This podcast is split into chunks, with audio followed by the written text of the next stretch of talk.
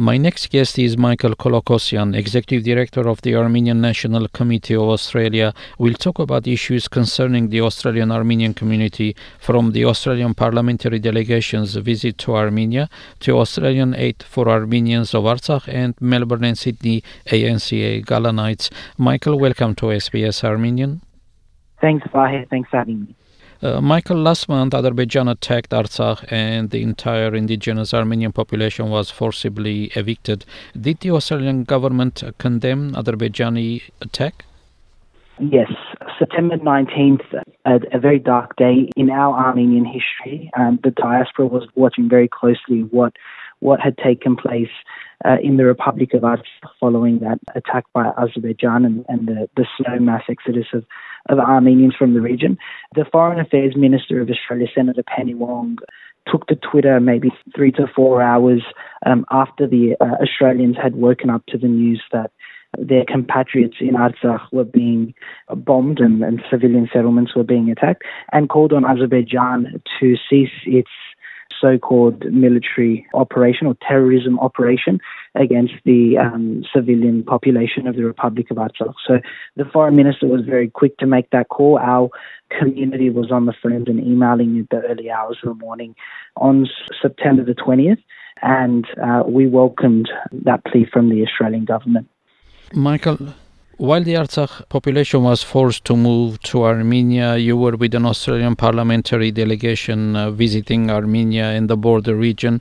Could you talk about the visit and the impressions of the parliamentary delegation? Well, I think um, the entire visit was definitely overshadowed by this ethnic cleansing that we were witnessing from the Republic of Artsakh into Armenia. But I think overall, the, the aim of the visit, this was our third Australian parliamentary delegation to the Republic of Armenia. It was one of the largest Australian parliamentary delegations that were headed for Armenia, facilitated by the Armenian National Committee of Australia. It was also the first time we actually had Victorian parliamentarians, and I mean Victorian state parliamentarians. Uh, there was two state parliamentarians, uh, Kim Wells MP, the member for Rowville, and Ann-Marie Hermans, uh, Southeastern Metropolitan Region MLC, um, and they joined five other New South Wales MPs uh, in visiting Armenia from the 25th to the 28th. Uh, the delegation was co-led by the co-chairs of the New South Wales Parliamentary Friends of Armenia, uh, so Hugh McDermott and Tim James, and uh, over the course of the four days, there were different intentions. So, obviously, to help facilitate and expand bilateral relations between Armenia and uh, Australia. And we did that through the forms of uh, high level meetings with the Foreign Affairs Ministry of Armenia, with the Parliamentary Friends of Australia in, in the Armenian National Assembly, um, as well as uh, with ministers and deputy ministers uh, in specific industries such as renewable energy and green energy. And I think those conversations will help provide some of our parliamentarians with some actions that they can undertake uh, here in Australia. Uh, but the visit was also uh, a four day jam packed itinerary where we could also show Australian parliamentarians what Armenia has to offer, uh, the beauty that Armenia has to offer, um, the churches, the monasteries, the mountains, uh, the culinary experiences, the wine, the cognac. Uh, and I think they really understood how much of an ancient country Armenia really is and how beautiful it is and why the Armenian Australian community is so proud to call Armenia home. I think overall the, the parliamentary delegation had an amazing time. And unfortunately, it was foreshadowed by the you know, the ethnic cleansing of Artsakh uh, and the, the dire situation that our compatriots were facing there. But I think even with all of that happening, the parliamentarians really wanted to get behind the entire trip and also participate in doing whatever they could for the people of Artsakh while they were there. Uh, Michael, you also visited uh, the border region and met with uh, forcibly deported Armenians from Artsakh. Uh, the scenes uh, must have been confronting. Yeah, well, I think confronting would um, is to say the least. Being a descendant of Armenian genocide survivors myself, I, I was heartbroken. I couldn't put into words the the feelings and the emotions of having to watch Armenian mothers and their newborn children flee their homes and pack uh, what little they could on their backs and in their cars and leave their entire lives behind and head for Armenia. I think, firstly, for me and for any Armenian Australian that was there witnessing the plight of our people, they the heartbroken is the only word that I could use. We felt hopeless. We felt angry that the that the international community had allowed this ethnic cleansing to take place. We felt sad that these people had left so much behind uh, their entire lives, and uh, we couldn't do anything about it. Thankfully, I was there with, with our parliamentary friends who had visited Armenia. We decided to alter the, the parliamentary delegation schedule and, and make a day trip to Goris, uh, an overnight trip actually to Goris, to really witness what was happening on the ground and uh, have a first hand experience of the ethnic cleansing that was taking place. By the time we reached Goris on the uh, 27th, of September, over 30,000 Armenians from Artsakh had fled. Uh, we had the opportunity to speak with the deputy mayor of Goris, um, who provided us uh, some important information about the procedures that the people were uh, going through in order to now seek refuge uh, as internally displaced people in Armenia. We also spoke to the ICRC and uh, Australian volunteers, Armenian Australians from here who had traveled to Armenia to help alleviate the humanitarian crisis. And I think that was really uh, humbling to see that Armenian Australians had dropped everything in their lives, uh, everything that was going on here, work and family commitments, traveling to Armenia just to assist their brothers and sisters.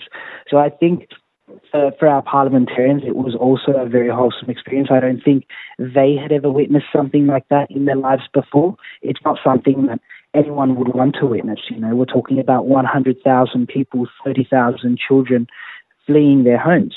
And I think, uh, you know, there was two options for them, uh, you know, to either stay in Yerevan or go to Goris. And I'm really thankful that each and every one of the members on the delegation understood that this was a really important time for the Armenian people, a really difficult time, and they made that trip to Goris. And, and during their time in Goris, they were there on the ground conducting interviews with ABC Radio National. They were conducting, um, they were preparing uh, statements from parliamentarian for parliamentarians and and media uh, companies here in Australia. So uh, they were really working hard in order to create further awareness for that.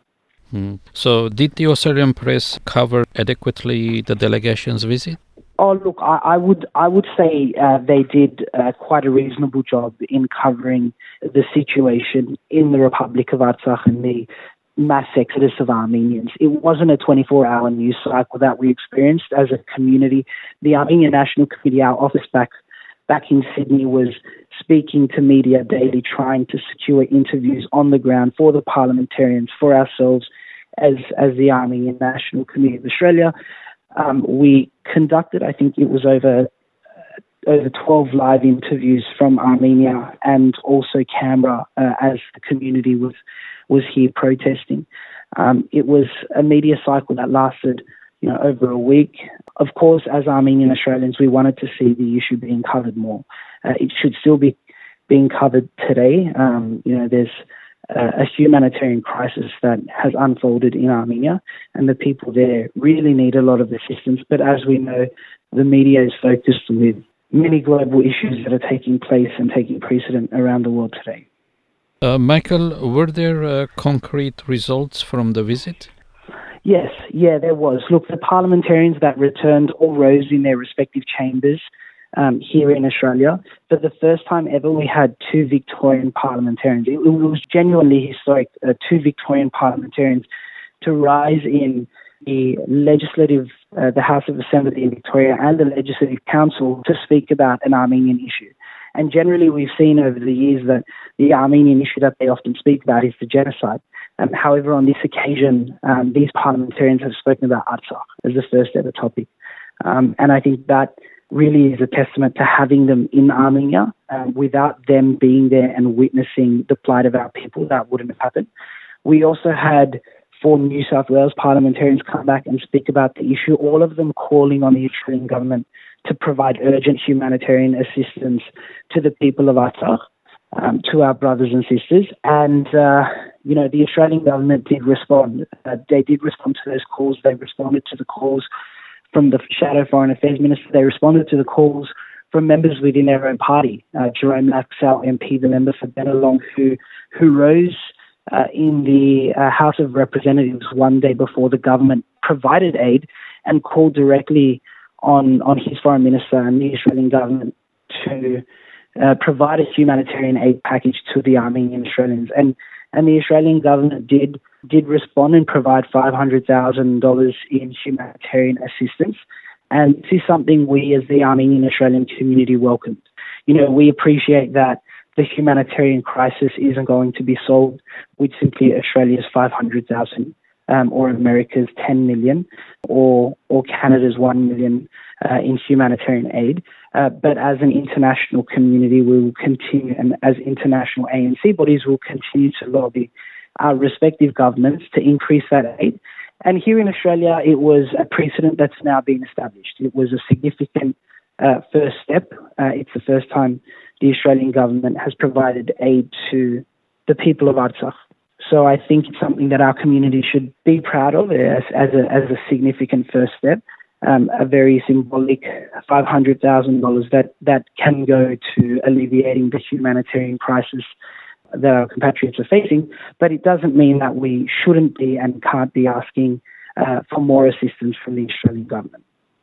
Michael, usually end of the year, ANCA has its advocacy week, uh, special guest, and a gala night. What are the plans for this year? Yeah, so this year it's the fifth year that we'll be running the iteration of our Youth Advocates program. We'll be joined by an international guest um, that we will be announcing in the coming week prior to their arrival here in Australia. But in addition to both the Youth Advocates Program and the advocacy elements that the international guests will be undertaking, we've also got the end of year ANC events, which is the ANC Youth Gala uh, held in Sydney every year. But this year we've also uh, included um, an event in Melbourne for the first time in over 10 years, the ANC Youth Cocktail event in Melbourne. So we're really encouraging our community to get behind those two events the event in Sydney is on Saturday, the 18th of November at the Sofitel, um, starting at 6:30 p.m. And the event in Melbourne is on Sunday, the 19th of November at the Rivers Edge uh, Function Centre, starting at 5 p.m. Um, so we really encourage our community to be there in attendance. We've got an amazing international guest that will be joining us, someone that is very well known to our community, and we're very excited to have them here. Michael, thank you for your time uh, and the interview. We'll talk again. Thank you, Vahe. Thank you very much. Our guest was Michael Kolokossian, Executive Director of the Armenian National Committee of Australia.